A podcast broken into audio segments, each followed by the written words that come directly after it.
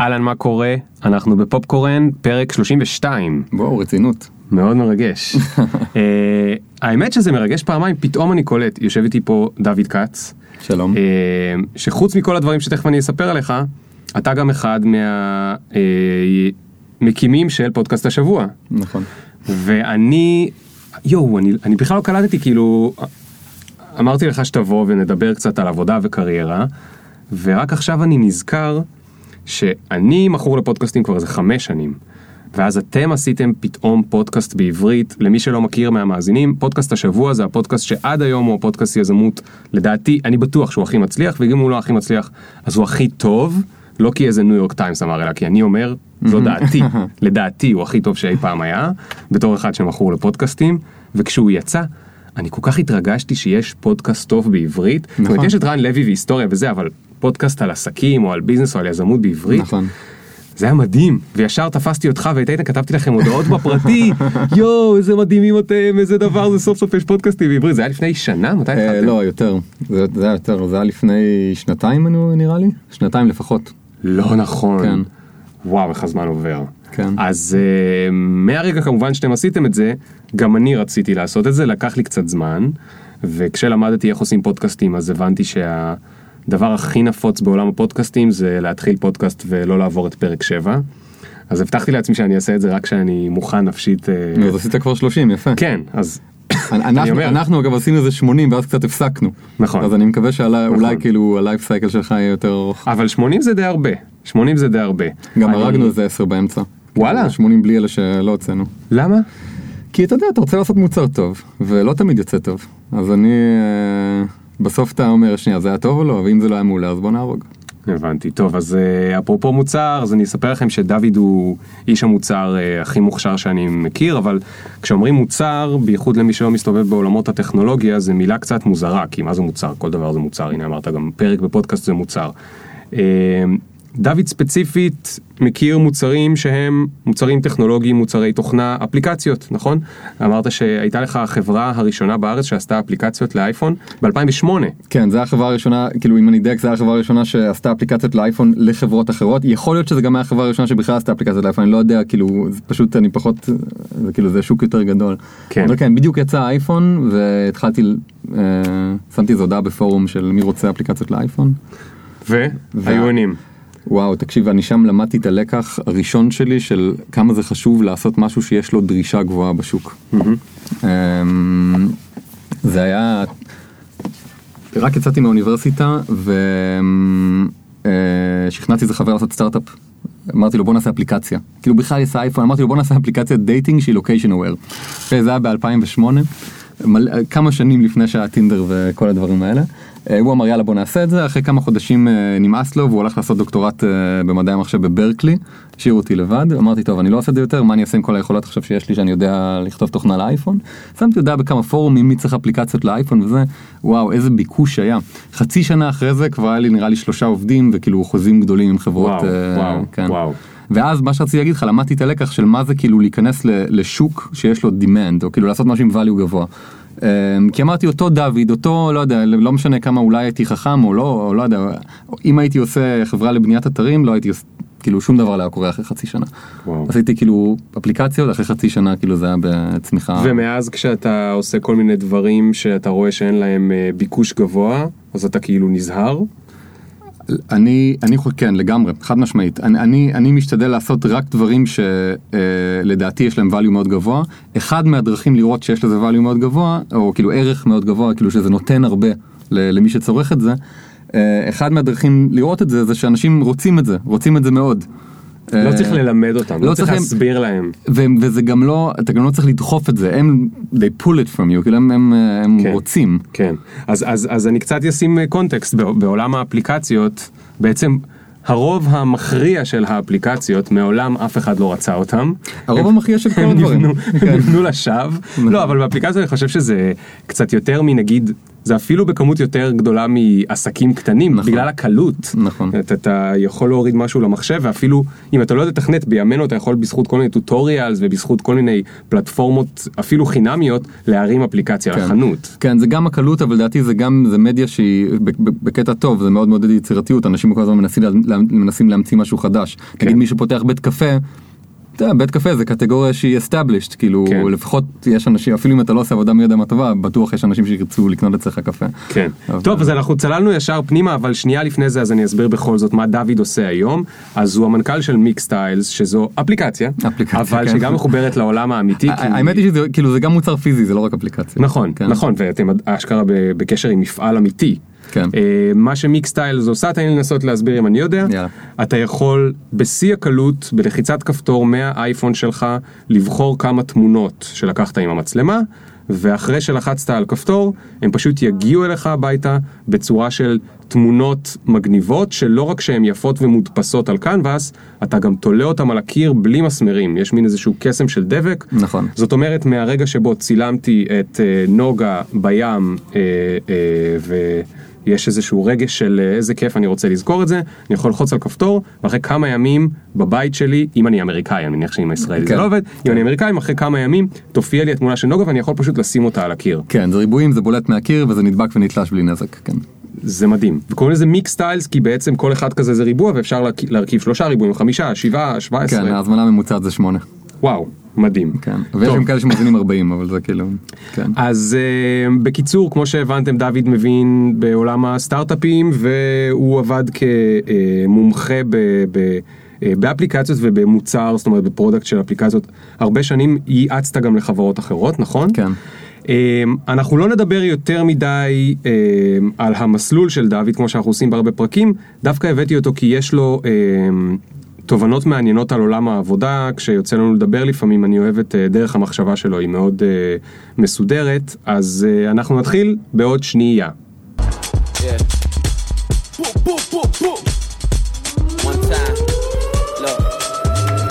Ring the alarm, hot ass nigga. Big ass head so my dreams get bigger. Make campaign strong so my flows get sicker. Confidence bigger than a drunk ass nigga. Look, מה קורה, דוד? הכל. טוב. אתה, אתה מחייך, זה, אני אומר בעוד שנייה ואז נכנסת שם מוזיקה. כן, כן, אוקיי? אני מבין, אני מבין. אה, אה, טוב, תשמע, קודם כל, אה, אחד הדברים שאנשים שמקשיבים לפודקאסט, אני יכול להניח שרוב מי שמקשיב לפרק הזה זה האנשים שהקשיבו לפרקים הקודמים. ככה זה בדרך כלל, יש גדילה אורגנית. ו... כן. וכשאני פוגש את האנשים האלה ברחוב, אז יש כל מיני דברים שהם, אה, אה, שבדרך כלל אומרים לי. אז אחד אומרים, אני מזהה את הקול שלך, זה מצחיק לדבר איתך כאילו שזה, אתה מכיר את זה גם. ושתיים אומרים, אני מרגיש שאני קצת מכיר אותך. כן. עכשיו, זה גם מה שקרה לי כשהייתי שומע כל הזמן אה, השבוע.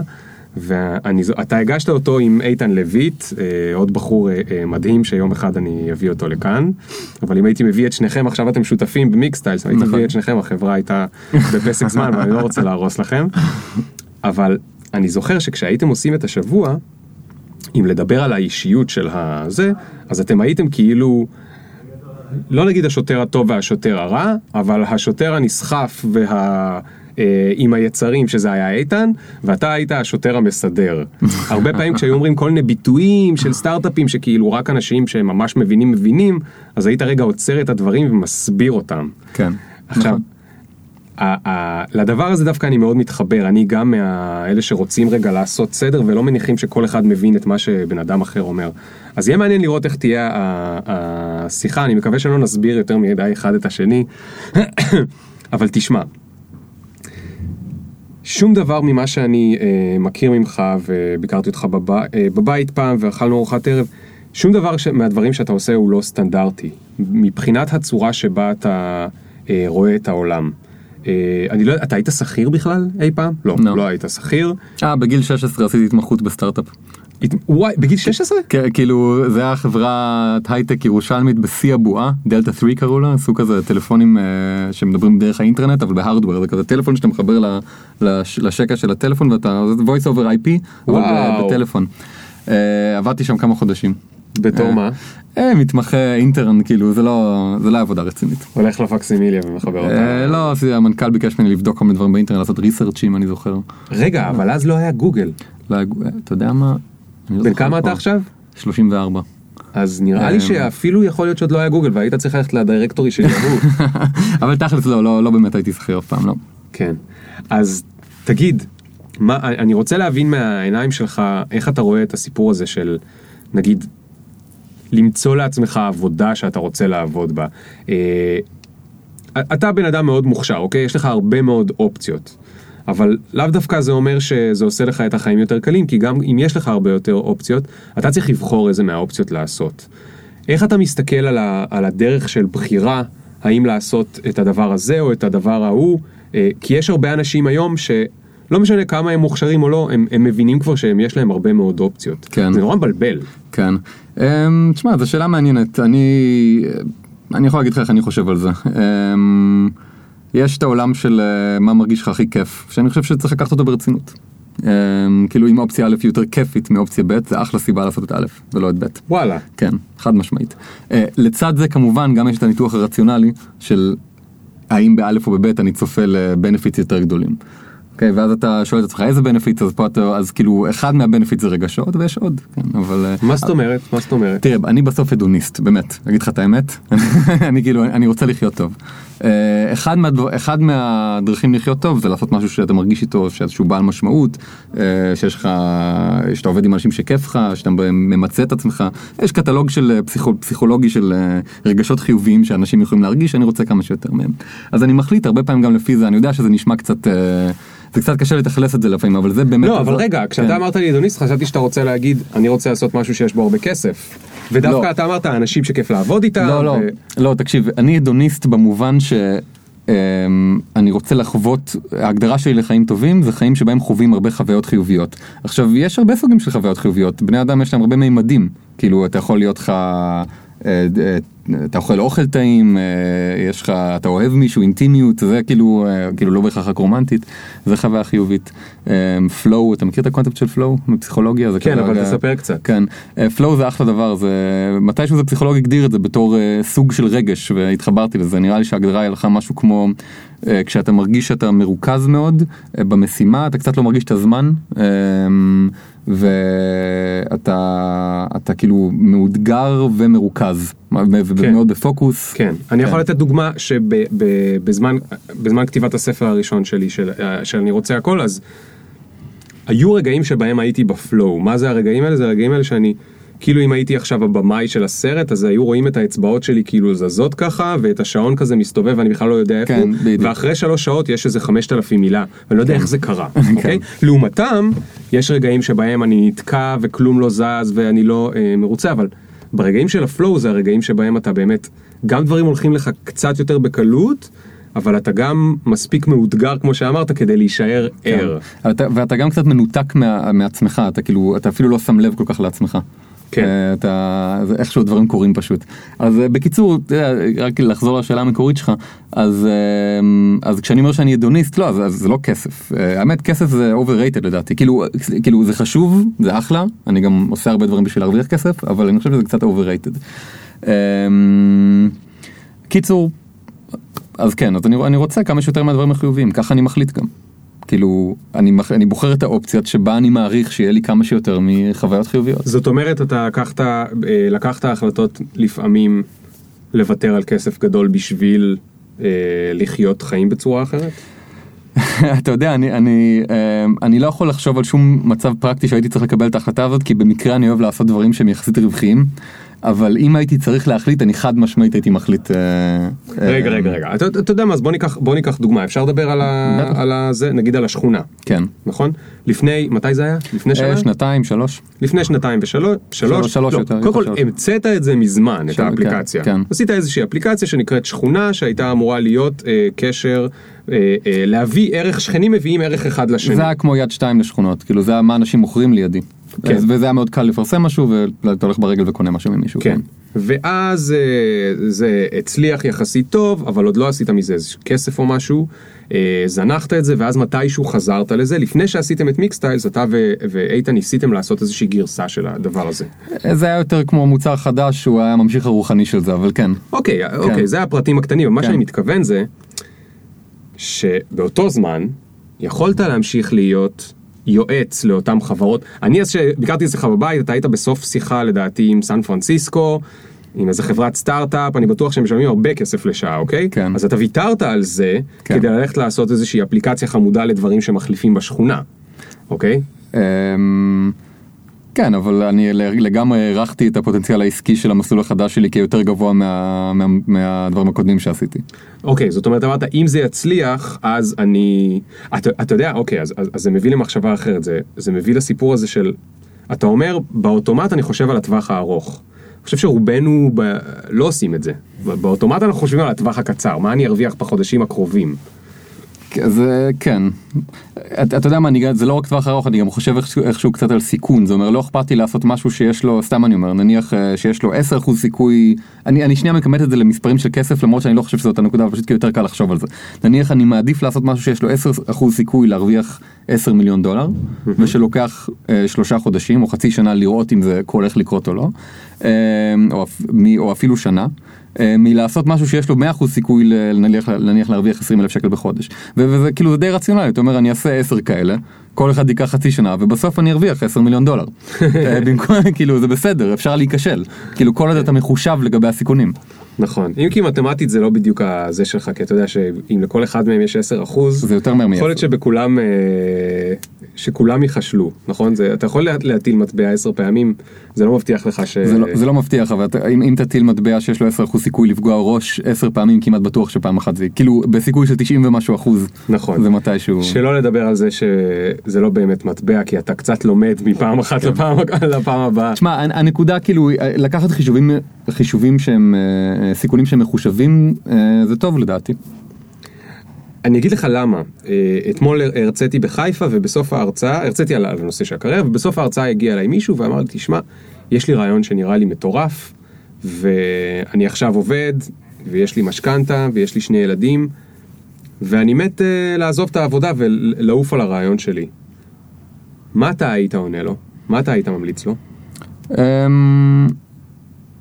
קודם כל הייתי מתחיל בלחשוב על מה ה-Worst case scenario, מה ה-downside, אני אומר אוקיי עזבת את העבודה, מה יש לך חסכונות, אתה יכול להרשות לעצמך לא להצליח x זמן, כמה זמן ה-x הזה, האם זה סביר, האם זה זמן סביר לנסות לעשות רעיון חדש. יכול להיות שנגלה שהוא חסום, אין מה לעשות, הוא חסום, אם הוא לא יעבוד אז, אז לא יהיה לו אוכל, אז, אז אוקיי, אז, אז אי אפשר, כן. צריך לחשוב מה לעשות לגבי זה.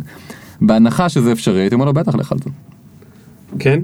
כאילו אם יש לו מספיק חסכונות, אם הוא יכול להרשות לעצמו את ה, את ה, את הסטפ בק של אם זה לא מצליח, בטח. ו... כאילו, ש... גם הייתי שופט את הרעיון עצמו, כן, הייתי קצת מנסה כן, לחשוב כן, על... כן, כן, אבל, אבל, כן. אבל אני ניסיתי כאילו אפילו לא לשאול אותו על הרעיון עצמו, אני אגיד לך מה, זה מוביל אותי כאילו לשאלה אחרת, כש, כשאתה לקחת את אותו סיכון עם, עם השכונה שעשית עם איתן. או, בוא, או מיקסטיילס נגיד, מה שאנחנו מבינים עכשיו. נכון. כן, דוגמה יותר טובה, כי זה באמת... אוקיי. כן. לא, אבל מיקסטיילס פשוט אתם כבר עושים, אתם עושים כבר אחלה כסף, לא? אבל בהתחלה לא, עכשיו אוקיי. עכשיו אנחנו עושים אחלה כסף, אוקיי, בהתחלה אוקיי. כאילו זה, בהתחלה- בהתחלה זה עשה הרבה פחות כסף מהעסק הקודם שלי.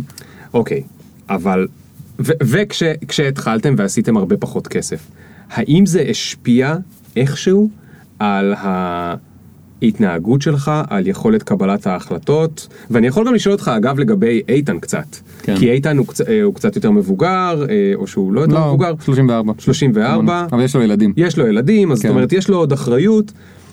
אני שואל האם זה השפיע על קבלת החלטות שלו, זאת אומרת, הרבה פעמים כשאתה לחוץ, כי אתה לא יודע מאיפה יגיע הכסף חודש הבא, או אפילו אמרת יש לי חצי שנה, אבל אתה יודע שיש לך את הטיימר, זה עלול להשפיע על אה, מנגנון קבלת ההחלטות הטוב שלך, לא? אמ, תשמע, אני לא יכול לדבר בשביל איתן. אמ, תראה, בטח, כאילו, אתה צריך, אתה צריך, כאילו, אני הייתי ממליץ לנסות לדאוג להגיע למצב שבו הטיימר הוא מספיק רחוק כדי שזה לא ישפיע עליך. אמ, כמובן שאפשר גם לדבר על איך להתמודד יותר טוב עם לחץ, אבל לדעתי, ה- כאילו, ה-leverage הכי גבוה זה לא להיות בלחץ, לא להבין איך להתמודד יותר טוב עם לחץ. אבל, אה, אבל כן. כן. טוב.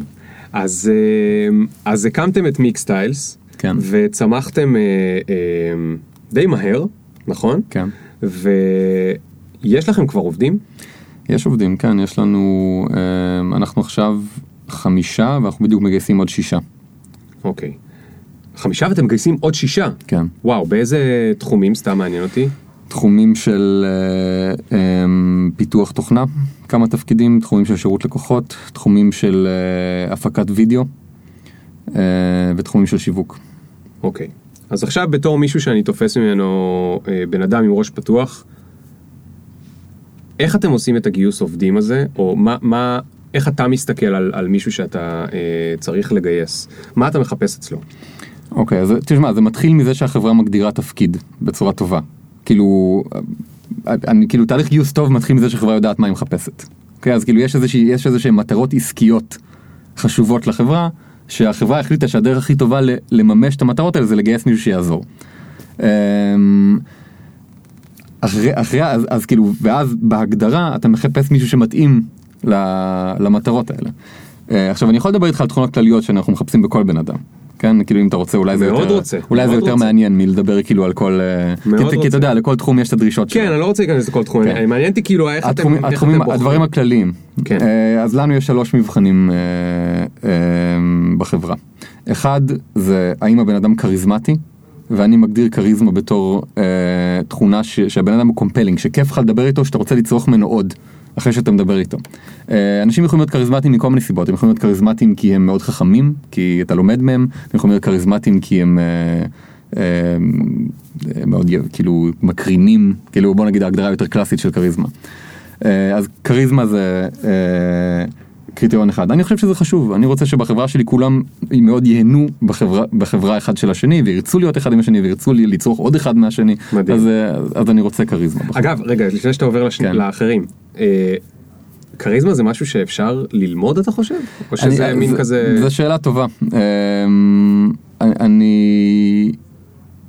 אני חושב שבחלק מהמקרים, אתה יודע מה, אני לא יודע, אני לא יודע לתת על זה תשובה טובה, כאילו, בגלל, שקר... בגלל שאני מאמין שכריזמה זה דבר יחסית מגוון, ושאפשר להיות כריזמטי מכל מיני סיבות, יכול להיות שחלק מהם אפשר ללמוד. אבל אה, בוא נגיד אם אני חייב לנחש אז אני אומר לא יודע. כאילו- אתה לא מוכן לקחת פה סיכון, אוקיי. אמ, אז זה אחד, כריזמה. כן. Uh, עוד משהו שמאוד חשוב לי זה uh, ללמוד מהבן אדם. זה, זה קריטריון, כל בן אדם שאנחנו מגייסים, אנחנו מנסים ללמוד ממנו איך צריך לעשות את התפקיד הזה. אני הולך לגייס נגיד מפיק וידאו, שילמד אותי איך עושים וידאו. ו, וכאילו, ושבאמת זה ילמד אותי, שזה ישכנע אותי. מה זאת אומרת? אבל אתה המנכ"ל, אתה רוצה בעיקרון לא לדעת בכלל מה הוא עושה, לתת לו קופסה שחורה ולהגיד לו תעשה וידאו מצוין, למה אתה רוצה ללמוד ממנו? יש, יש שתי סיבות. אחד, זה שזה לא לגמרי קופסה שחורה, כי יש, יש ממשק ביני לבין העובד. אני צריך להגדיר מטרות. אה, בשביל להגדיר מטרות אני צריך גם להבין מחירים, עלויות, כמה דברים, כאילו לא רק עלויות בכסף, גם כן. זמן, מורכבות, אה, כל מיני דברים שנכנסים לתהליך של קבלת החלטות. אה, ודבר שני זה שמי שיכול ללמד אותך הוא, הוא זה אחלה דרך לדעת שמישהו טוב. קראתי פעם בלוג פוסט של ג'ייסון פריד, אתה מכיר ג'ייסון פריד? בטח. הוא מאוד השפיע עליי בקריירה היותר מוקדמת שלי.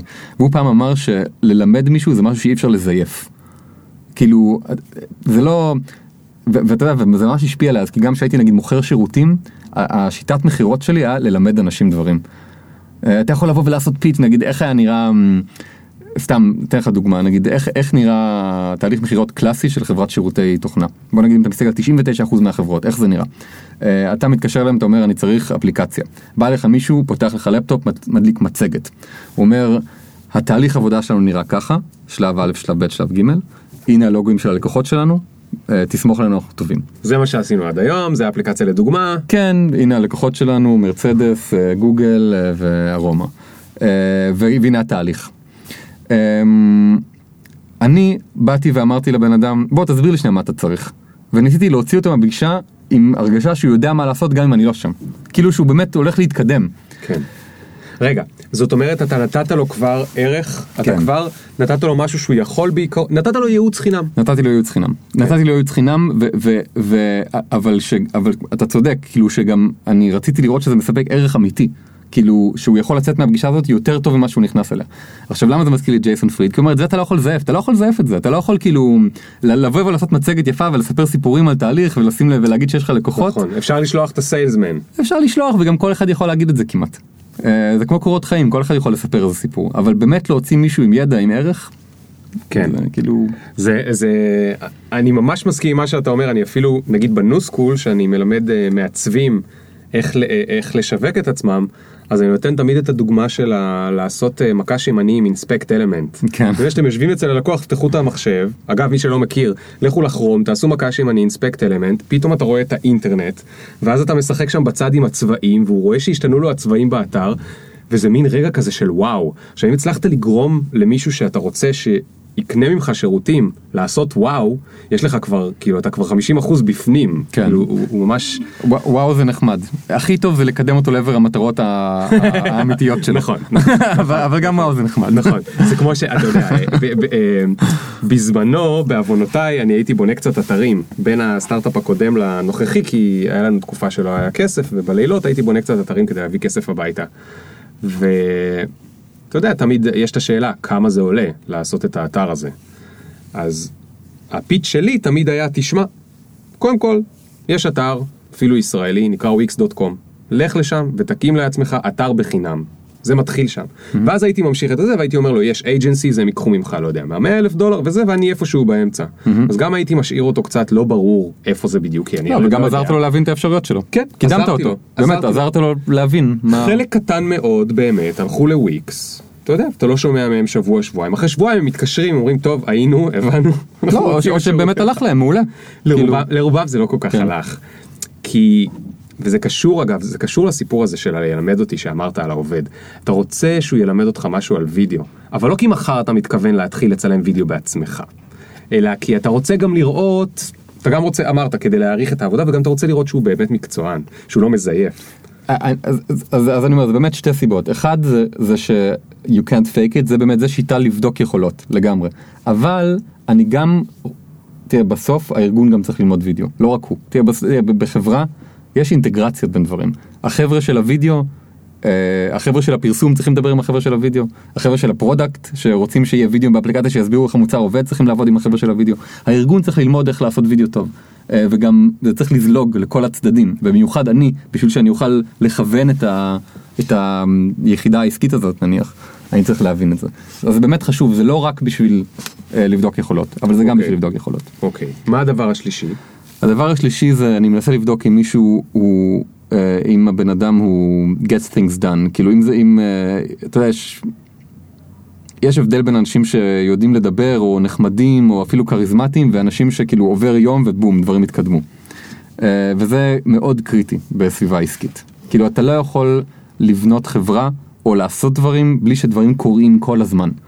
אה, לא, לא משנה כמה מישהו נחמד וכמה הוא חכם וכמה הוא יודע להסביר לי על וידאו וגם כמה אפילו הוא מוכשר בלעשות וידאו. אם לא כאילו עזבתי אותו ליום וחזרתי אחרי יום ומלא דברים התקדמו, זה לא הולך לעבוד. אז פה, הש... אה, אוקיי, בעברי גם אני אה, גייסתי אנשים. מה שאמרת עכשיו, זה הדבר הכי קשה לדעת אותו. למה? כן. כי לראיון, אתה יודע, נתתי לבן אדם מבחן, בטח, הוא צריך לעבור את הראיון, הוא עושה את המבחן כמו שצריך, אבל לפעמים, בשבועיים הראשונים אתה מגלה שלמבחן, את המבחן, הוא כן. סיים את האנרגיה שלו במבחן ועכשיו הוא כן. מסתלבט שם. איך אתה בוחן את זה? איך אתה יודע אם מישהו יודע לעשות דברים? אז, אז יש, אז קודם כל זה קשה באמת. אין לי כאילו, אני לא יכול להביא לך את, הש, את השיטה הפשוטה, אבל, יש, אבל כן יש כמה מבחנים או קריטריונים שאנחנו מפעילים בפנים.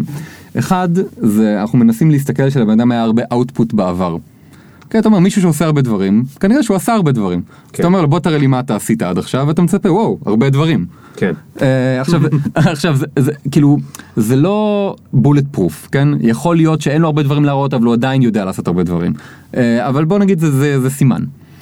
אה, עוד משהו זה שאתה מדבר איתו על איך לעשות דברים אנשים שעושים הרבה דברים מהר יודעים כאילו תכלס הם אומרים לך אוקיי אני יכול לעשות 1 2 3 וזה משתכנע אבל כאילו זה באמת נשמע לך כאילו זה הולך לקרות. זאת אומרת שהוא מתאר לך את תוכנית הפעולה, אתה כבר מהתיאור של תוכנית הפעולה אתה מבין שהוא... אבל, אבל בטיימסקיילים קצרים. אוקיי, לא מה התוכנית פעולה שלך לשלושה חודשים, מה אתה יכול לעשות מחר. הבנתי. אוקיי? ואז אתה מקשיב למה אתה יכול לעשות ונגיד, הרבה- כי אתה יודע, שלושה חודשים זה כמו הסוכנות שדיברנו עליה, שבאה ואומרת על התהליך עבודה שלה, קודם מאפיינים, אחר כך משרטטים, אחר כך אה, זה, וזה ייקח ארבעה חודשים, ואתה יודע. כן. אה, אבל כשמישהו אומר לך, טוב, אה, אה, מחר מה אני הולך לעשות, והנה כבר איזה שרטוט של מה אני, איך שאני חושב שצריך להתחיל, כאילו, אתה יודע, בשביל שמשהו יקרה בתוך יום, אז גם תוך שעה זה קצת נראה כמו משהו. זה עוד משהו נגיד שאני הייתי עושה עם לקוחות, הייתי בא, הם, הם צריכים ממשק, יאללה בוא נתחיל לשרטט. כן. כאילו בוא נתחיל לחשוב על זה. לפני שבודקים את ה branding, כן, כן. תשמע, אני אגיד לך למה אני כאילו שואל את השאלה הזאת.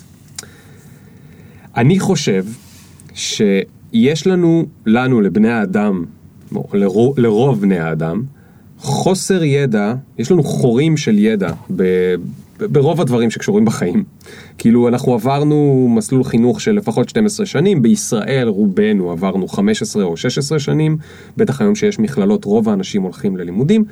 איכשהו היינו 16 שנים בתוך מערכת חינוך, לפעמים שאנחנו הולכים אליה כל יום, יצאנו משם עם חורים וואי, עצומים. don't get me started על זה, איזה עם בזבוז חורים זמן. עצומים בידע. עכשיו אני, אני חייב רק לציין, לפני שאני מגיע לפואנטה שלי הזאת, כן. חייב לציין כוכבית לפואנטה הקודמת, לא אמרת בשנייה, מעניין אותי מה הוא למד.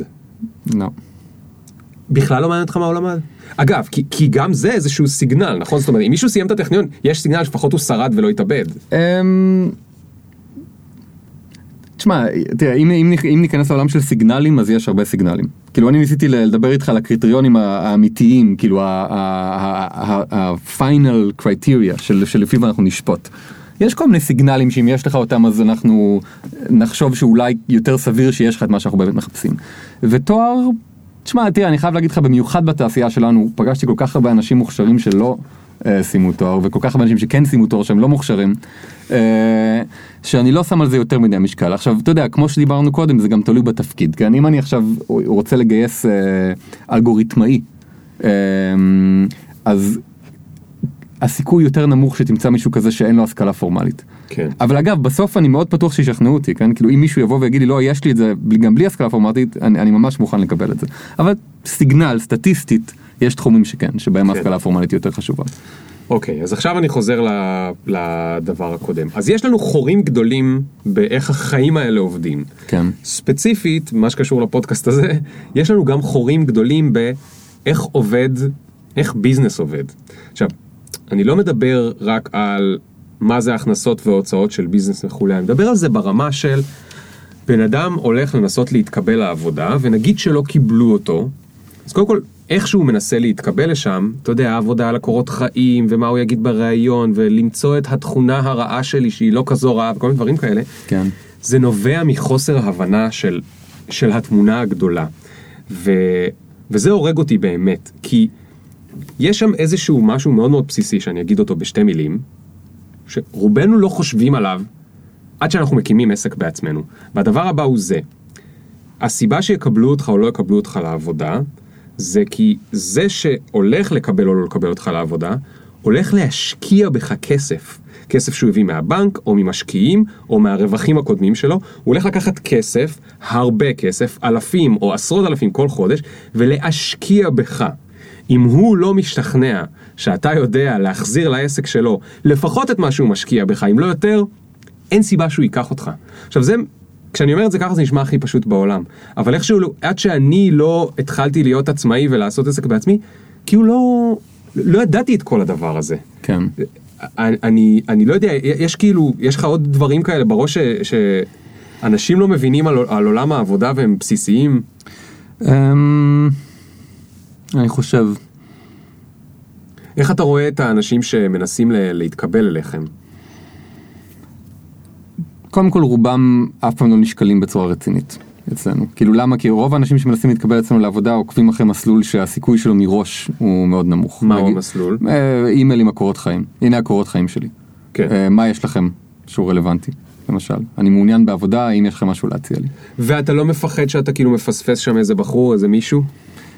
אמ, תראה, אתה לא יכול להיות מונע מפחד, כן? תמיד יכול, תמיד יכול להיות כן. שתפספס איזה משהו, כן? וזה גם, תראה, אני גם לא כאילו לוקח את האימיילים האלה וישר זורק אותם, אני כרגיל מרפרף. כן. אה, אבל בוא נגיד שכשאתה נכנס במסלול הזה אתה תקבל אה, 10 שניות של תשומת לב מקסימום. אוקיי.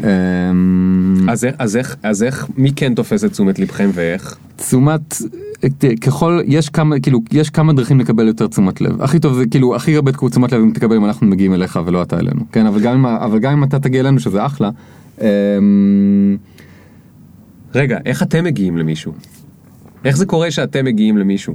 אמ, הוא היה צריך לעשות משהו טוב כדי שתגיעו אליו. כן, כנראה, כן, שוב, שוב, זה משתנה בין תפקידים, כן, אני יכול, לדעת, כאילו, יש גם, נגיד, גם הבדל בין שאתה מגייס, אה, לא יודע, משהו שאפשר לקרוא לו, נגיד, אקזקיוטיב, סמנכ"לים או משהו כזה, ונגיד שאתה מגייס, אה, לא יודע, מישהו לתפקיד שירות לקוחות, שהם כמובן שניהם חשובים בד- בדרך שלהם, אבל נגיד, אה, לא יודע, אם אני מגייס, אה, אה, לא יודע, מישהו שאמור להחזיק איזושהי צלע טכנולוגית בחברה, אז כאילו, זה ילך הרבה דרך אנשים שאנחנו מכירים, דרך הנטוורק ודברים כאלה. אה, בקיצור, אבל מה הייתה השאלה, תזכיר לי? השאלה הייתה איך אתם מגיעים, איך אתם בוחרים את האנשים להגיע אליהם.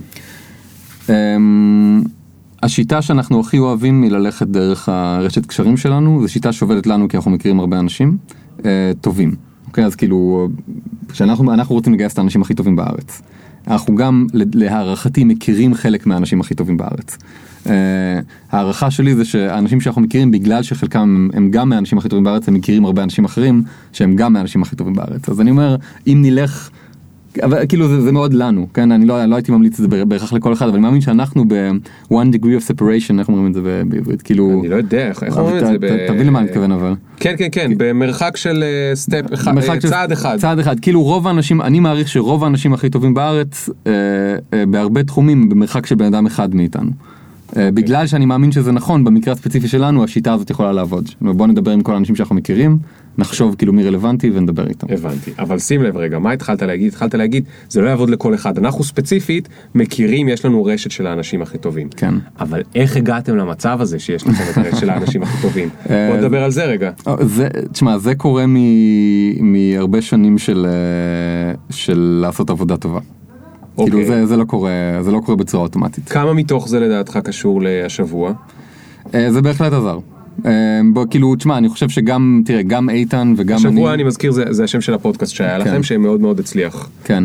ת- תשמע, גם איתן וגם אני היינו כבר יחסית אה, אה, מוכרים בתעשייה לפני שעשינו את התוכנית. אני נגיד, אה, לא יודע, היינו עושים לא מעט הרצאות, וכאילו היה לי הרבה לקוחות וזהו. אבל לא, זה, זה בהחלט היה קפיצת מדרגה, עוד קפיצת מדרגה, התוכנית, כן.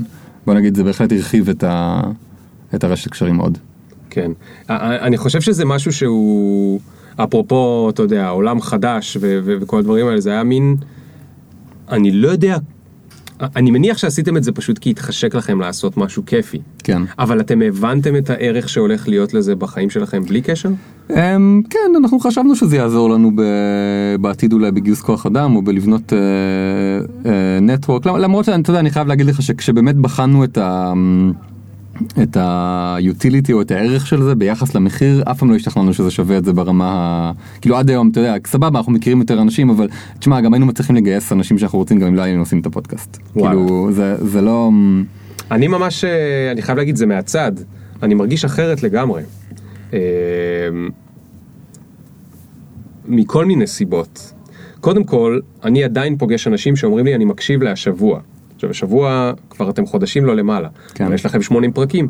80 פרקים זה 80 שעות. בן כן. אדם יכול לגלות אתכם היום ולשמוע אתכם בארבעת החודשים הבאים. כן. זה, זה הדבר המדהים הזה שהאינטרנט הוא ארכיון, ומי שמשקיע לייצר משהו לתוך הארכיון הזה, מקבל נקודות גם בעתיד. תקשיב, אוקיי? אני, אני, בוא, אני אגיד את זה שנייה בצורה שונה. הפודקאסט זה אחלה דבר בשבילנו, באמת. הוא נותן הרבה החזרים והוא מעולה. אמ, גם לפני שעשיתי את הפודקאסט, היה לי חברות וגייסתי אנשים. אמ, וה... ואתה יודע, וכמובן עכשיו עוד יותר קל, כן, יותר קל עכשיו ממה שהיה בעבר, אבל גם לפני זה זה היה דואבל, זה לא, אתה יודע, אני לא רוצה שמישהו יצא מפה עם איזה, עם איזה תובנה שאם אין לו פודקאסט שמקשיבים לו עשרת אלפים אנשים, הוא לא יכול להשיג את המטרות שלו. נכון, אבל יש אנשים שלא היה להם לפני זה חברות שהם אה, אה, גייסו בהם לקוחות. יש, אתה יודע, יש משהו שאני חושב שהוא חשוב בחיים וגם בעסקים, זה, כאילו השאלה המעניינת זה מה אתה עושה עם הריסורסס שיש לך, לא איך אתה משיג את הריסורסס שאין לך. כאילו ב-80% מהמאמץ שלך. מה הכוונה? אני מבולבל. אוקיי, סליחה. מההתחלה. אמ, הרבה אנשים כל הזמן דוחים את, ה, את המטרות שלהם בגלל שחסר להם איזה משהו. אין לי מספיק כסף, אין לי מספיק קשרים, אין לי מספיק ניסיון. אמ, זה עדיין לא מוכן, אני צריך עוד משהו. וכשיהיה לי, כשיהיה, אני אעז לעשות. כשיהיה לי עוד ניסיון או קשרים או כסף או לא, אני או- אתחיל, אה, אז אני אעשה משהו. עכשיו אני אומר, זה לא הגישה הנכונה. הגישה הנכונה זה מה אתה יכול לעשות עם מה שיש לך עכשיו. איך אתה לוקח את החתיכות לגו שיש לך עכשיו, ואיך אתה עושה איתם משהו מעניין. ועם הזמן יהיה לך גם יותר. כן. אמ, נכון, למרות ש, ש, ש, שגם אז, כשאתה אומר אני לוקח את החתיכות לגו שלי, אתה יכול להגיד, אני בונה איתם עכשיו רק את מה שהן, ואתה יכול להגיד, אני מבין שאני יכול לבנות איתה משהו יותר גדול. אתה מבין למה אני מתכוון? זאת אומרת, אתה יכול להגיד, אני מבין קצת בעיצוב, אז אני אלך להיות מעצב במשהו, או שאתה יכול להגיד, אני מבין קצת בעיצוב, לכן יום אחד אולי אני אוכל להיות אה, שותף באיזשהו סטארט-אפ בתור המעצב, ואני רוצה עכשיו להתחיל להבין איך אני מגיע לכיוון הזה. כן. סבבה, כאילו, תשמע, כאילו הנקודה המרכזית שלי זה שזה לא הגיוני לדחות התקדמות לעבר מטרות חשובות כי חסר לך איזה משהו. כן. אפשר אז- להתקדם. אז אם היית עכשיו, לא מכיר אף אחד, אתה, כן. יש לך, אתה כל הזמן מדבר באנגלית, אתה גדלת באמריקה? לא, אז איך זה שכל הזמן מדבר באנגלית? לא יודע. זה פשוט שמה, אוקיי. לא, אתה יודע, כי אני עובד עם, אני עובד בסביבה שהיא אנגלית כבר עשר שנים. אוקיי. אז, אה, נגיד שהיית... וגם הייתי בבית ספר בינלאומי, שלוש שנים שדיברו באנגלית. בארץ? כן. איזה בית ספר בינלאומי? בירושלים, קוראים לו The אה. Anglican International School. מקום מרתק אגב, אנגליקן? זה נוצרי? זה נוצרי. מדהים. זה גם מקום, תקשיב, זה מקום מרתק, ירושלים, זה הסייד, זה לא קשור לדברים, אבל זה מעניין. אז ספר. אה, ירושלים זה עיר קצת הזויה. אה, יש בה, זה הבית ספר היחידי הבינלאומי בירושלים שהוא דובר אנגלית, וירושלים זה עיר שיש בה, נראה לי, הכי גיוון של אוכלוסייה מכל הערים שראיתי בעולם, יותר מניו יורק, אה, בקטע שאתה לא צופה. יש בירושלים אה, את הקהילה הדתית. המוסלמים, הנוצרים, המורמונים, כאילו הם כולם יש להם, הארמנים, כל הדברים האלה. יש את, את כל, את כל הסוגיה הפוליטית פלסטינית, אה, כל הקונסולות, וזה קיצור הייתי בכיתה חיילים, ילדים של חיילי או"ם מאפריקה, אה, ילדים של שגרירים, אה, כאילו שגרירים, כל מיני אנשים שההורים שלהם עוזרים לפלסטינים, כל מיני, כל מיני ערבים ישראלים שכאילו ש, שלמדו שם בפלסטינים. אה, איזה גילאים זה היה? זה, זה- הבית ספר הזה הוא כאילו כל, כל הגילאים. כאילו אני הייתי שם ז' עד ט', אבל ולפני זה איפה היית? בית ספר ישראלי רגיל. אז איך היה לך המעבר? זוכר אותו לטובה. זוכר אותו לטובה? כן. כאילו, יש משהו שהיום בחיים שלך אתה אומר כאילו זה בזכות הזה שהייתי בבית ספר הזה עם הגיוון המטורף הזה? אתה, אתה יודע מה, כמעט אין לי דברים שאני יכול להגיד שהם היו חשובים בעבר ושהביאו איזה משהו משמעותי, אני חושב שזה אחד מהם, אבל כן, כאילו זה, זה, זה גם למדתי אנגלית שוטפת, שזה לדעתי נכס משמעותי מאוד uh, בעולם של היום, uh, וגם בגלל שהיה שם כל כך הרבה פרספקטיבות של אנשים, uh, אתה לומד כאילו... זה עוזר לך לחשוב, אתה יודע מה, אתה, אני לא יודע, אני לא רוצה להגיד שאם אולי, אני לא יודע להגיד אם לא הייתי שם, אולי היה לי פחות פרספקטיבה, לא יודע. לא, אבל עזוב אבל- רגע מה אם לא היית, בכל זאת היית, השאלה אם... הרבה פרספקטיבה, הרבה אנשים מאוד מגוונים, אה, ואתה אתה כאילו לומד יותר טוב על העולם, בגלל אוקיי. שהם... אז עכשיו דמיין שאתה היית, אני הייתי בטוח שגדלת באמריקה בגלל כל האנגלית. דמיין שהיית אה, גדל באמריקה ולא היית מכיר אף אחד. והיית לבו, אה, אמרת שאתה עכשיו בן 34. היית מגיע למדינת ישראל בגיל 32, נגיד לומד עברית, בסדר, אתה עכשיו בגיל 34, יש לך חמישה חברים, שניים הגיעו בתגלית איתך, אחד זה הבן דוד שלך מירושלים, כן.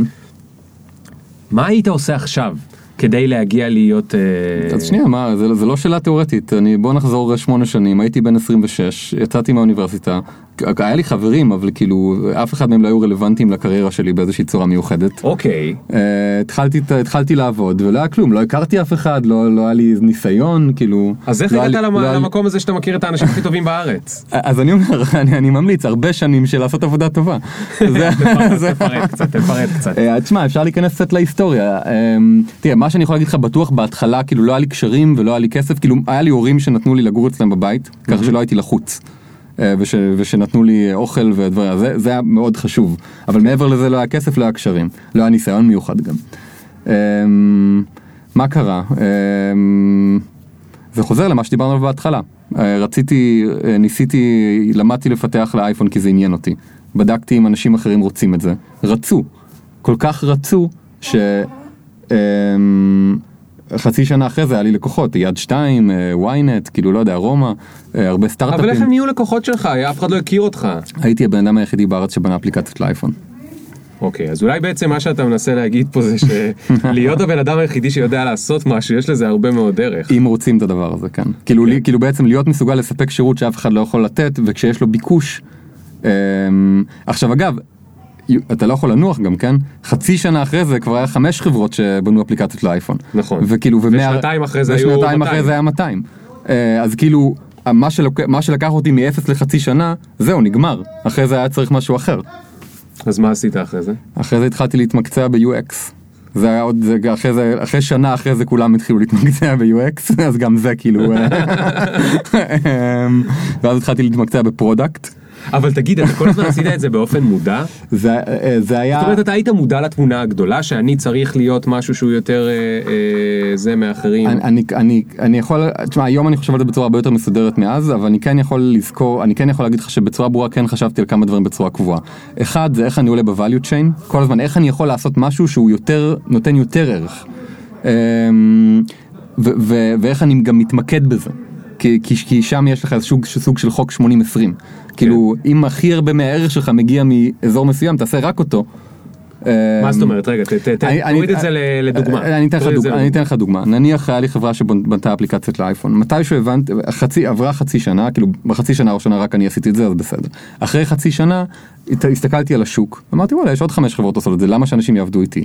והיה לי תשובה, האפליקציות שלי הן מעוצבות יותר טוב. אוקיי.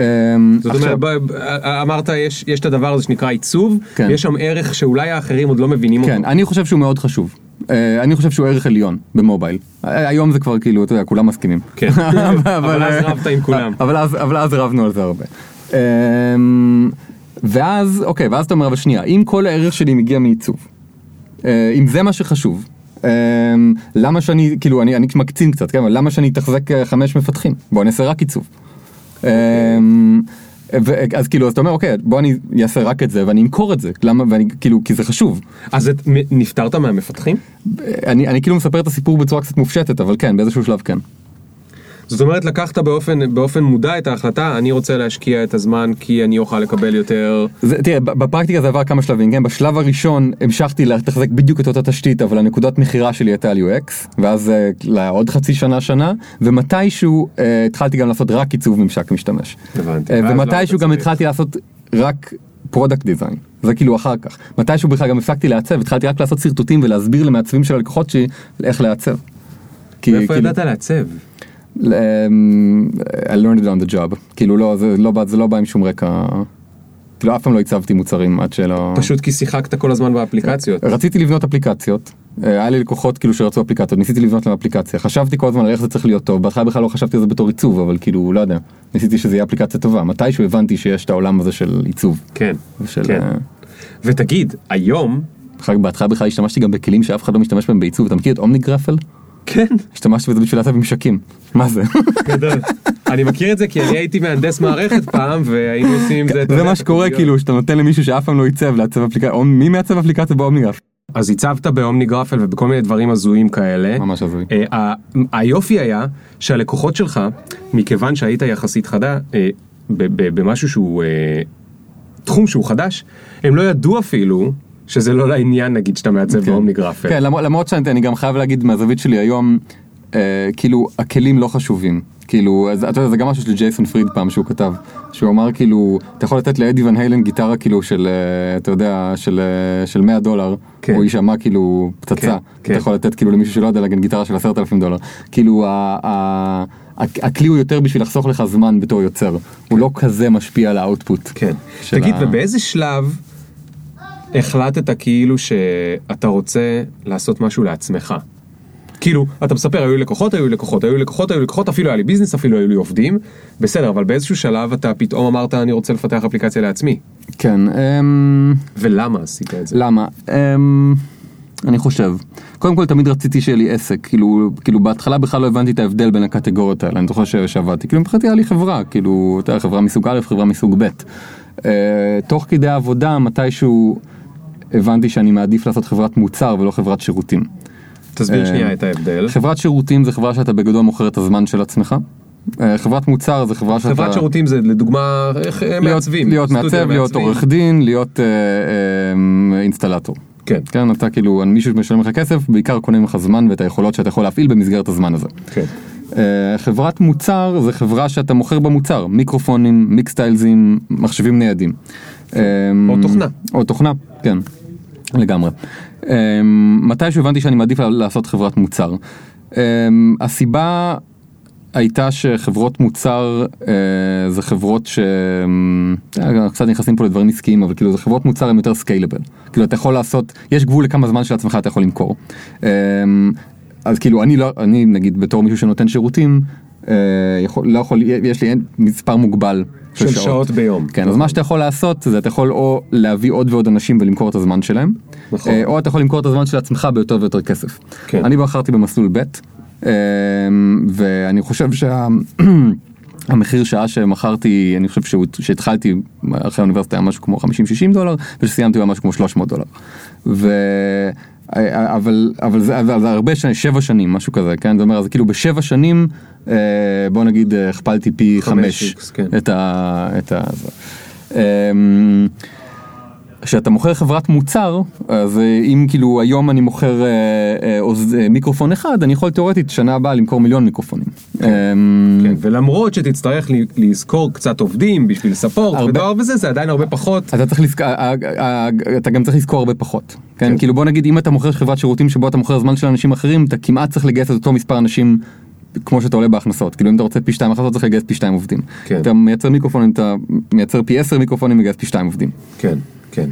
אז החלטת שאתה רוצה להיות חברת מוצר, ואז מה, הקמת אפליקציה? אמ, עשית את השכונה? מה זה היה הדבר לא, הש? השכונה היה side project, כאילו היה כל מיני side project שעשיתי בזמן ש... השכונה ומיקסלס היו side project. זאת אומרת, מה שאחרי זה היה היום העסק הגדול שלך, שהוא בצמיחה מטורפת, ולפני זה העסק שניסית לבדוק האם אה, הוא יכול להיות בצמיחה מטורפת, היו בכלל פרויקטי צד מכמה שנים אחורה, נכון? כן. למה החלטת לעשות פרויקט צד? אמ, האמת היא שכאילו, אני לא ממליץ על זה, אבל אני, אבל, אבל אני, אני, אני, אני עשיתי את זה כי אמ, חשבתי שזה מגניב לבנות את המוצרים האלה, ושאולי הם יכולים להיות עסק טוב. אמ, ומה אמרת, נראה אם זה יצליח אז אני... כן, אמרתי, אני אראה אם זה יצליח, ואם זה יצליח אני אשקיע בזה עוד. אני אמרתי, כאילו, אני אמצא משהו ש, ש, שנראה מצליח, ואז אני אעבור לזה. זאת הייתה התוכנית שלי. אוקיי. מה שקרה בפועל זה שזה די הצליח ולא עברתי לזה, כי, כי יש לך, יש לך דילמה. אה, אפילו שזה, שזה מאוד הצליח ביחס למוצר שבדיוק חשבת עליו, העסק המרכזי שלי הרוויח הרבה יותר כסף. כן. אה, אז אתה אומר, אז עכשיו בדיעבד אני מסתכל על זה, אני אומר, וואי, גם את מיקסטרס שהוצאנו אותו בהתחלה, בחודשים הראשונים מכרנו כמה עשרות אלפי דולרים. זה המון לסטארט-אפ אה, שהוא של, של מוצר, זה כמעט לא קורה. נכון. אה, מתוך הכמה עשרות אלפי דולרים היה לי הרווח של כמה אלפי דולרים. עכשיו, כן, במסגרת, במקביל יש לי עסק שוואלה מרוויח הרבה יותר מזה. אז לא, אז כאילו, זה לא נראה אטרקטיבי. היום אני, כאילו, אני חושב שזה הטעות, זה היה נראה אטרקטיבי. היה צריך כאילו להעריך את זה קצת שונה. אבל, אה, אבל כן. איך, איך יודעים להעריך אם זה אטרקטיבי? אמ, אם, אם כאילו מדברים על, על סטארט-אפים, אני אז- יודע שהתשובה, כן. התשובה עכשיו, לא, באופן כללי על, על, על עסקים אני רוצה לדבר, זאת אומרת. אמ, תראה, הסיבה, ש, הסיבה שמיקסטיילס היה כבר אז אטרקטיבי, זה כי כבר אז היה אפשר להבין יחסית בקלות שהשוק מאוד גדול, ושההצלחה הקטנה הראשונית היא מספיק משמעותית כדי לשכנע אותך שיהיה לך קל למכור הרבה יותר, אם, אם תשקיע בזה יותר. הבנתי. זה ה... הבנתי. כן. אבל לא עברת כי הרווחת בצד השני יותר. אז איך בסוף יצא שאתה כן היום יש לך עסק ועזבת את העסק שבו הרווחת הרבה? כי, כי אז עב- עברו עוד שנה שנתיים וכאילו התחלתי לחשוב על זה בצורה יותר מסודרת והבנתי ש... אמ, כאילו גם כאילו הב- הבנתי שקודם כל הבנתי שזה לא שיקול זה בכלל לא משנה כאילו אם עכשיו בצורה מקומית כאילו איזה משהו שאני עושה בחודש הזה הרוויח פחות ממשהו אחר זה לא השיקול השיקול זה כאילו בטווח הארוך מה הרוויח יותר. וכשאתה חושב על טווח ארוך, על כמה שנים אתה חושב? אמ, זו שאלה טובה אתה יודע אין לי תשובה מסודרת לזה. אמ, לא, אז אני רוצה משהו שאתה כן רגיל בראש, כאילו לדמיין. אתה מדמיין את שנה הבאה, או אתה מדמיין את עוד חמש שנים, אתה מדמיין את עוד עשרים שנה. כאילו שאתה בונה עכשיו את מיקסטיילס, אתה אומר, אין לי בעיה לעבוד קשה מאוד, ואפילו ש... לא משנה, יהיו הכנסות מטורפות ורווחים נורא נורא קטנים, אבל אני יודע שבעוד עשר שנים זה יהיה משהו מטורף, או שאתה חושב רק שנתיים קדימה. כן, אוקיי, אז, אז uh, במקרה של מיקסטיילס, um, אני חושב בערך, מבחינה אופרטיבית, כאילו של מה שאני עושה עכשיו, מה, ש, מה שמנחה את הפעולות שלי, אני חושב בערך חצי שנה עד שנה קדימה, אבל אני גם כל הזמן מתחזק בראש את הסצנריו של העשר שנים קדימה, כי אני... אפילו שהוא לא, כי הוא משכנע אותי ששווה לי גם לשים את החצי שנה הקרובה, אוקיי? כאילו אני, אני, אני חושב שנה קדימה למה אני הולך לעשות, אבל אם לא הייתי חושב ש, ש, שזה יכול להיות גם פי אלף יותר גדול ממה שזה היום, אז לא הייתי גם שם את השנה הזאת. תסביר עוד קצת. ת- תן דוגמה כן. ממש עם המיקסטייל, אתה לא חייב במספרים. לא, לא, אין, אין בעיה. כאילו לא בדולרים, אבל במספרים של, לא אין- יודע, של אין בעיה, במספרים, אוקיי? אני, אמ, אה, אני מאמין בשאיפות גבוהות. אני, אני מאמין בזה, להיות שאפתני זה אחלה. אה, לא במחיר של להיות לחוץ, לא במחיר של לחיות רע, זה כאילו aside, אבל להיות שאפתני זה אחלה. אמ, אני רוצה לדעת שאני עובד על משהו שתאורטית יש לו את הסיכוי, נניח שנייה במספרים, למכור מיקסטיילס ל-100 מיליון אנשים. סתם אני אומר. ל-100 מיליון אנשים. סתם אני אומר, יש לו את הסיכוי, אוקיי. סיכוי, את כן, הסיכוי, סיכוי, סיכוי, סיכוי. כן? אני לא אומר שהחברה תגיד את זה, אני אומר, אבל כן. ואז, אני, אז, אז, אמ, ואם אני, לא- אני חושב שיש לזה את הסיכוי, אז שווה לי להתחיל להתעסק באוקיי עכשיו האם אני מצליח עכשיו מה כדאי לעשות עוד חודש מה כדאי לעשות עוד חודשיים איך אני מתקדם לעבר המטרה הזאת. כן. אם אני לא חושב שיש לזה את הסיכוי מבזבז את הזמן עדיף לעשות משהו אחר. למה בעצם? כי לא, אני אגיד לך, כן. יש לי שאלה שעכשיו אני מבין שאתה האיש לשאול אותה. דבר כי איתי. לא, כי אנחנו יכול להיות מאוד שונים במובן הזה. כן. ועכשיו אני עוד פעם חוזר, הרבה מהאנשים שמקשיבים לנו, אז אתה יודע, חלקם שכירים, חלקם עצמאים, חלקם חושבים על עסק, חלקם מנסים לעשות אפליקציה. זה גם בסדר לשכירים, כן? כאילו כן, אתה כן, גם כן. יכול להיות פיזיקאי ול- ול- ולהניח שמה שמעניין אותך זה לפתור את את בעיות מאוד גדולות, זה גם נכון, בסדר. נכון. לא, אבל אני, אני, אני עוד לא הגעתי לאיפה שרציתי להגיע. עכשיו, חלקם חושבים על פתיחת עסק, חלקם אולי חושבים על פתיחת סטארט-אפ, חלקם עובדים על אפליקציה. יכול להגיד על עצמי. אני גם, זאת אומרת, עד השיחה שלנו לא חשבתי שאני הדוניסט, במובנים שאתה מדבר עליהם. כי אני חשבתי שזה יותר אומר לחיות טוב. אתה אדוני זה לאכול ענבים וסמים, בדיוק. מסיבות וסמים, זה- נכון. זה הדמיה הקלאסית מיוון. נכון, שאגב המסיבות ענבים שלהם, אתה יודע שזה היה עם אה, נערים צעירים. כן. אנשים שלהם היו בבית והיית פילוסוף זקן והיה לך נער צעיר כן, שמפנק אותך. כן, וקיבלת ענבים ככה ב... כן. כן. ענבים, אני מניח שיותר טובים משל היום, אבל לא יודע, אולי הם היו... לא נראה לי, לא נראה לי. אה, היום יש. אתה יודע. בכל אופן, אני חושב שאני מאוד הדוניסט במובן שאתה דיברת עליו. כן. אני רוצה לחיות חיים טובים. עכשיו, אחד הדברים שאני הבנתי על עצמי, שכדי לחיות חיים טובים, אני למשל לא מדמיין את המצב שבו יש לי חברה שיש בה נגיד 100 עובדים. אני פשוט לא מדמיין את זה, זה משהו שנראה לי באופן די חורץ, יגר- יגרע ממני את האופציה לחיים טובים. אני לא מסכים איתך. אוקיי, אני אז חושב- אז בגלל זה אני- אני רוצה לדבר איתך. אני רוצה שתשכנע אותי שאני טועה, או להגיד את דעתך לפחות. אמ, בוא בוא נגיד בוא נתחיל עם מה אני מסכים איתך. אני מסכים איתך שרוב האנשים שיש להם חברה של 100 עובדים לא חיים טוב. אוקיי. אמ, אבל אני בטוח שאתה תסכים איתי שיש הרבה הרבה דברים שרוב האנשים זה לא טוב להם אבל זה יכול להיות טוב. נכון. אז אני חושב שאותו דבר גם נכון לחברה עם 100 עובדים, 1,000 עובדים או 100 אלף עובדים.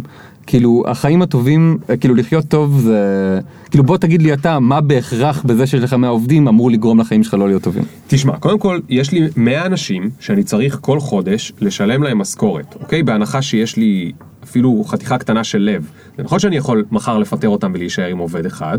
ונניח אבל- שיש לחברה שלך מספיק כסף בשביל לשלם משכורות לעשר שנים קדימה. אוקיי, אם יש לה כסף לשלם 10 שנים קדימה, אז הדאגה הזאת יורדת ממני. תראה נגיד בוא נסתכל על שנייה על מיקסטיילס היום אין לנו שום בעיה לשלם משכורות אנחנו כאילו מגייסים 10 אנשים ואנחנו יכולים להרשות לעצמנו מהרווחים שלנו ב- ברגוע אוקיי, לשלם את המשכורות האלה. אוקיי. אבל לא 10 שנים קדימה. לא 10 שנים קדימה אבל אבל מספיק זמן קדימה כדי שזה כדי שאתה לא תהיה בלחץ. אוקיי, אז, אז, אז, אז זו דוגמה יפה. אה, הדבר השני הוא שיש לך, יש לך חברה גדולה, אז יש לך גם בעיות גדולות. אה, זה יכולה להיות אה, תביעה מאוד גדולה, זה יכול, יכול להיות סכסוך עם מתחרה, זה יכול להיות כל מיני דברים כאלה שהם, אני קורא להם בעיות מסדר גודל, שאתה מגיע אליהם רק כשאתה מגיע לסדר גודל הזה. אבל תראה, בשבילך, אם, אתה יודע, אם, אם יהיה לך סכסוך עם מישהו שהוא אה, משמעותי לחיים שלך, אז זה יטריד אותך. אה, גם אם, גם אם אין לך חברה של אלף עובדים, נכון? אם יש לך נכון, סכסוך... אה, נכון, מה זה, אני מפחד מהבעלת בית שלי. כן. אם אתה, תתגרש מאשתך, זה יפריע לך, לא משנה אם יש לך חברה של אלף עובדים או לא. זה מביא אותי לנקודה שרציתי להגיד קודם. תראה, בסוף, כשאתה רציני לגבי מה שאתה עושה, אה, זה הולך לקחת את תשומת לב שלך, את הריכוז שלך, את, ה, את האנרגיה שלך, אמ, ו, וזה פחות או יותר אותה עבודה אם אתה שואף גבוה, אם אתה לא שואף גבוה. כאילו, אתה הולך לשלם את אותו מחיר, זה כאילו, זה הולך לקחת את הזמן שלך ואת התשומת לב שלך ואת כל המאמץ שלך ואת ה... זה, אז כאילו למה לא לנסות לשאוף גבוה. אמ, אני אגיד לך למה לא. כן. כי לפעמים כשיש לך, אתה, אתה יודע, לא תמיד חברה של 100 עובדים אומרת שרווחי החברה הם גדולים פי אפילו עשרה. לפעמים זה אומר שרווחי החברה קטנים פי עשרה. מעולה, בשבילך, uh, it's on you להגדיר באיזה מסלול אתה כן רוצה חברה של 100 עובדים. מסכים איתך, חברה שיש לה מלא עובדים ואין לה רווחים, וואלה באמת לא נשמע טוב, גם אני לא הייתי הולך על זה. אה, אז תגיד, סבבה, אני רק רוצה את זה אם יש רווחים גבוהים. אני רק רוצה את זה אם אני עובד מהבית. אני רק רוצה את זה אם... יש לי שנץ. כן, אני נגיד עובד מהבית. כן. אה, אפילו שיש לנו, אה, לא יודע, 5 עד 10 עובדים, תלוי איך סופרים. אה, אתה תמשיך לעבוד מהבית? אני כרגע מתכנן להמשיך לעבוד מהבית. אני בוחן את זה מדי פעם. אני רואה, אני רואה אם זה, כאילו, תשמע, בינתיים זה הולך.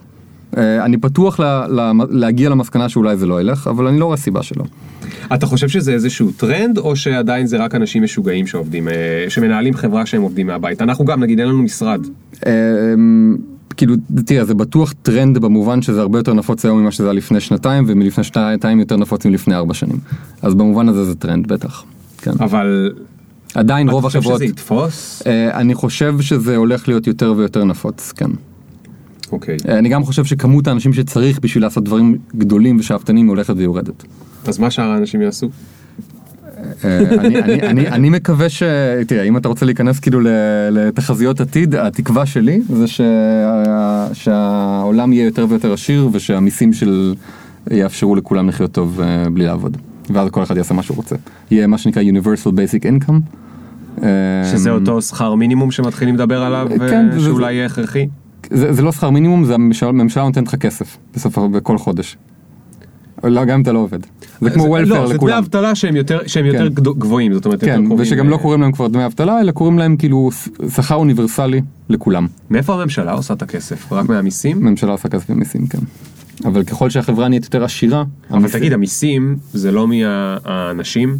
כן, המיסים זה מהאנשים, אבל מה שקורה זה שבגלל התפתחויות טכנולוגיות לאורך ההיסטוריה, ה- ה- ה- כמות הדברים שאתה יכול לקנות בשעת עבודה הולכת ועולה. בפחות אה, כסף ב- אתה קונה יותר דברים. גם בפחות זמן, כאילו בפחות, בפחות מהריסורסס שלך. היום כן. אתה יכול אה, להוציא אה, אה, 5% מהכסף שלך על אוכל, או 10%, ולפני 200 שנה היית צריך להוציא 50% מהכסף שלך על אוכל. נכון. אה, אבל יש עם זה בעיה אחת. שבני האדם נהיים גם יותר מפונקים. כי לי יש, לי יש, אני, אני גר בבלפור, כן. ובקומה מתחתיי גרה משפחה חרדית. כן. מדי פעם הם פותחים את הדלת, ואני פשוט כל פעם בשוק כמה אנשים יוצאים משם. זה, זה כמויות של אנשים, הם כמעט עשרה, הם תשעה או שמונה, אני לא מצליח לספור. זה נכון. הם שמונה או תשעה. באותו, באותו גודל דירה, אני ואשתי לפעמים כאילו, אתה יודע, נתווכח איפה לשים את הכביסה, כי אין לנו, אנחנו לא רוצים לסתום את החדר כביסה. כן. אוקיי? זה מדהים. זה נכון. לא, כי אתה דיברת, ואני חשבתי ישר על מחירי הנדל"ן. מחירי הנדל"ן, הנדל"ן עולים, אבל אתה יכול לטעון ולהגיד הם לא באמת עולים. פעם היית גר בחור בפאבלה בברזיל, היום אתה פשוט רוצה דירה הרבה כן. יותר אה, מרווחת, שיש כן. לה חשמל ואינטרנט נכון, וזה. לא, תראה, נראה לי, תראה, נדל"ן ספציפית אני חושב שהמחירים גם עלו כאילו בלי לעבור מפאבלה לזה, אבל, אתה יודע, הטרנד הזה הוא כבר, תשמע זה כבר קורה, כן, יש לך היום הרבה מדינות שיש להם uh, welfare programs שהם די מפותחים, אתה יכול אה, לגור, נגיד אני בגרמניה, בגרמניה אם, אם אין לך עבודה, המדינה תיתן לך מקום לגור ותיתן לך אוכל ו, ובריאות וכאילו הרבה כן, דברים. אבל זה כי היא מדינה שהיא מסודרת, היא היא עובדת מסודר. סבבה, אבל אם תחזור לפני 100 שנה זה לא היה קיים בשום מדינה בעולם, נכון. והיום זה קיים ב, לא יודע, 20 מדינות בעולם. אוקיי, אז יש ו- מודל, יש ו- מודל. ו- והסיבה שזה קורה זה שכאילו חברות societies נהיים יותר ויותר עשירים, ואם אתה מחליט נגיד, נגיד אם אתה מחליט, אה, אם החברה מחליטה בצורה קולקטיבית לקחת אח- אח- אח- אחוז אחד מהמיסים או חמש אחוז מהמיסים בשביל לתת לכולם לחיות טוב, החמש אחוז האלה משלמים על יותר ויותר דברים. כן. וכאילו זה, הולך זה נהיה יותר ויותר קל לאפשר לכולם חיים טובים. וואו. טוב, איך הגענו לזה? אין לי מושג. גם אני לא יודע. אבל זה... אה, בניגוד גמור לפודקאסט המסודר שלכם היה, הפודקאסט שלי הוא בכלל לא מסודר, ודווקא שמח שהגענו ל, ל, ללופ הזה, כי זה מחבר ממש את כל ה... תשמע, אני חושב, ש... אני חושב שהרבה פעמים באמת, אם לחזור רגע לעניין הזה של, אתה יודע, דיברנו על חיפוש עבודה, ועל איך אתה בתור מעביד מחפש מישהו, הרבה פעמים התמונה הקטנה והתמונה הגדולה הם, הם יותר מחוברים ממה שאנחנו רגילים לראות. זאת אומרת, לא, מכיוון שלא מלמדים אותנו לראות את התמונה הגדולה, אפילו שמלמדים אותנו היסטוריה, שוכחים להגיד לנו כאילו את המשפט האחרון בשיעור, השיעור, השיעור אמור להיות זה האירועים שקרו, והמשפט הנוסף שאף פעם לא אומרים אותו, עכשיו שימו לב שהאירועים האלה קרו ב-1700 וב-1300 ויש לעולם איזה שהם דברים שחוזרים על עצמם, נכון? אז לא מראים לנו את התמונה הגדולה. אבל ככל שאתה מתרגל להסתכל על דברים מתמונה גדולה, על איך שוק העבודה זז ועל איך טרנדים בשוק העבודה זזים, פתאום יושבים פה בחדר שני אנשים שאולי נכון מתעשייה קצת אה, אה, בקצה עדיין, אבל אתה עובד מהבית, מנהל חברה, אני עובד מהמשרד שלי, אבל השותפים שלי עובדים אחד מבית קפה, מקפה, מקפליקס, איך קוראים לזה? פליקס. לא, לא קופיקס. כן, כן, המגניבים, הקפליקס, קפליקס. כן. והשלישי עובד מהבית שלו חצי מהזמן, חצי מהזמן מאיזה משרד של לקוח נתנו במתנה, כאילו פשוט לשבת שם או משהו כזה.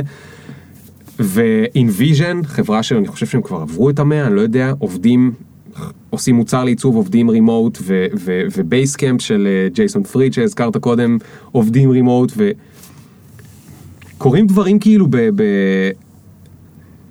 בקיצור, מה שאני רוצה להגיד זה, צריך יותר ויותר, אני, אני לא יודע איך להגיד את כל הידע הזה, אבל כולנו צריכים, גם לטובת אותה society שהזכרת, לטובת החברה, להצליח לה, להעביר יותר מהידע הזה של איך העולם עובד.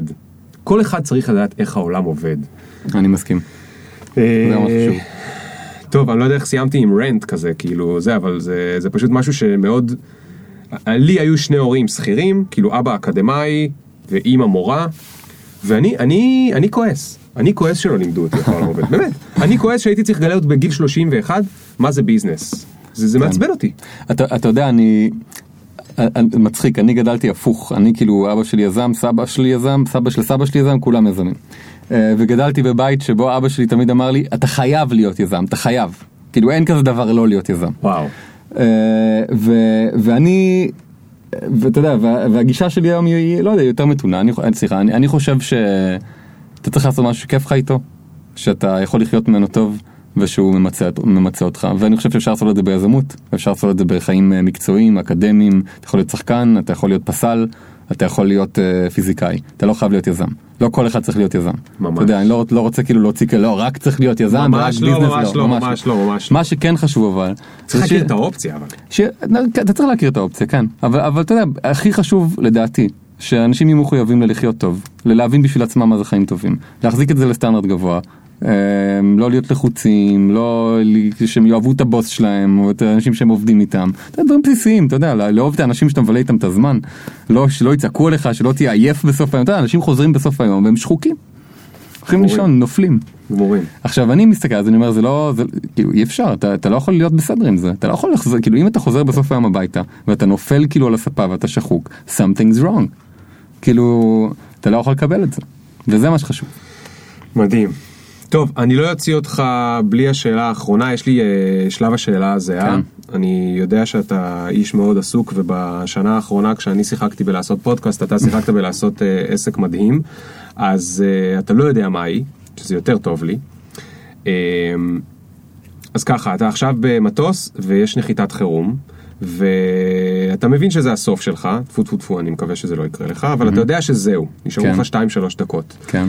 ומהו הדבר הזה שעובר לך בראש שאתה אומר, איך לא הספקתי לעשות את זה? מה הדבר הזה שלא הספקתי לעשות מה שאני מתחרט עליו?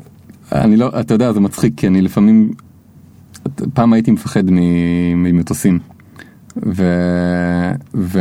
ואני עדיין קצת מפחד ממטוסים אבל אה, ואני בכלל חושב על המוות לא מעט אתה יודע אני חושב שהחיים קצרים וכל רגע יכול לדרוס אותך אוטובוס. אה, לפעמים, לפעמים כשאני עובר, זה קצת גרוטסקי, אבל לפעמים כשאני למטוס, אני ממש מדמיין את הסצנריו הזה שאתה מתאר, של המטוס קורס. גם אני אגב. כן. ככה השאלה הזאת הגיעה. כן. ובזמן שאני מדמיין את עצמי, אני גם מדמיין את עצמי בסדר עם זה. כן? כן. זה התרגיל. איזה כיף. האמת שאני גם תמיד אומר כאילו, היה שלב בחיים שלי, שבו אם היית שואל את השאלה הזאת, אז היה לי עשר אצבעות לספר לך. עם הזמן זה יורד, וזה סימן שהווקטור הוא חיובי. אני, אני, תשמע, יש מלא דברים שהייתי שמח לעשות, אבל אה, אני, אתה יודע, אני מאוד ממוקד בלחיות טוב בהווה. ולא, ולא כאילו לדחות את החיים הטובים שלי לעתיד. אז אתה יודע, כשהזמן שלי יגיע, הוא יגיע. תודה רבה דוד כץ. בכיף. אה, ביי חברים, אה, נראה אתכם, ב... אתם יכולים לבוא, אה, להצטרף לקבוצת אנשי העולם החדש, קבוצה של כל מיני אנשים שלא כל כך בטוחים אה, איך להגדיר את עצמם לפעמים, יש שם שכירים ויזמים וסטארט-אפיסטים ופרילנסרים ובעצם כולם שם לומדים להכיר את כולם וכל אחד רואה שהוא לא ההזיה היחידה, אלא יש עוד הרבה הזיות כמוהו וזה גורם לה- להרגיש יותר טוב, אני, אני אשכרה קורא לה קבוצת תמיכה, אני חושב שזו קבוצת תמיכה, אה, זה מאוד נחמד, תצטרפו לשם ואתם מוזמנים ל- ליצור לשם גם אה, אה, קשרים, קרו שם כבר הרבה דברים מדהימים, סתם אני אספר לך אגב, שתדע, יש איזה מישהי שהיא הצטרפה והיא היא סוג של יזמת חברתית או משהו, היא המציאה, אה, אה, היי תאיר את בטוח שומעת אז אה, מה שלומך, היא המציאה איזשהו אה, קולר אתה מכיר, אה, יש לך קלר? ליטמן. טוב, מכיר אותה? בטח. עם הקולר של ה- תאיר בטח, אני מכיר אותה מבית זית. גדלנו באותו. מושב. אני לא מאמין. מה קורה תאיר? אה, גדול, גדול, גדול. אז תאיר בתוך הקבוצה כן. אמרה יום אחד, תשמע, יש לי בעיה, אני אוהבת מאוד את העבודה שלי ואת הדברים שאני עושה ואת היזמות וכולי, אבל קשה לי לקום מוקדם בבוקר. ואני רוצה להמציא לעצמי שיטה לקום בבוקר. מה אני אעשה? אני רוצה לקבוע פגישה עם כל מי שרוצה מהקבוצה, פשוט שיגיד, ואני אקבע את הפגישה הזאת או בסקייפ או פגישת קפה בתשע בבוקר. וזה יכריח אותי לקום, כי אני יודע שיש לי פגישה, אז אני אהיה מחויבת. והיא עשתה אני כבר לא יודע כמה, לפחות עשר. כאילו כל הזמן אנשים מצטרפים שם לרשימה. וזה מדהים, זה מדהים בעיניי. אה, אה, אחלה, קהילה זה אחלה. כאילו- כן, קהילה זה כיף. יאללה, ביי חברים, ביי. אה, תודה דוד, ביי, כיף. Something like my dick is hit it when they mention. Did you get my mentions? Question: Do you even fuck with a nigga like me? Will you bump me in about three days? Really? IDC. Cause every time a nigga talk, they can't see the big up picture. Fuck your filter, me can't go run, but me can't repeat. Nah.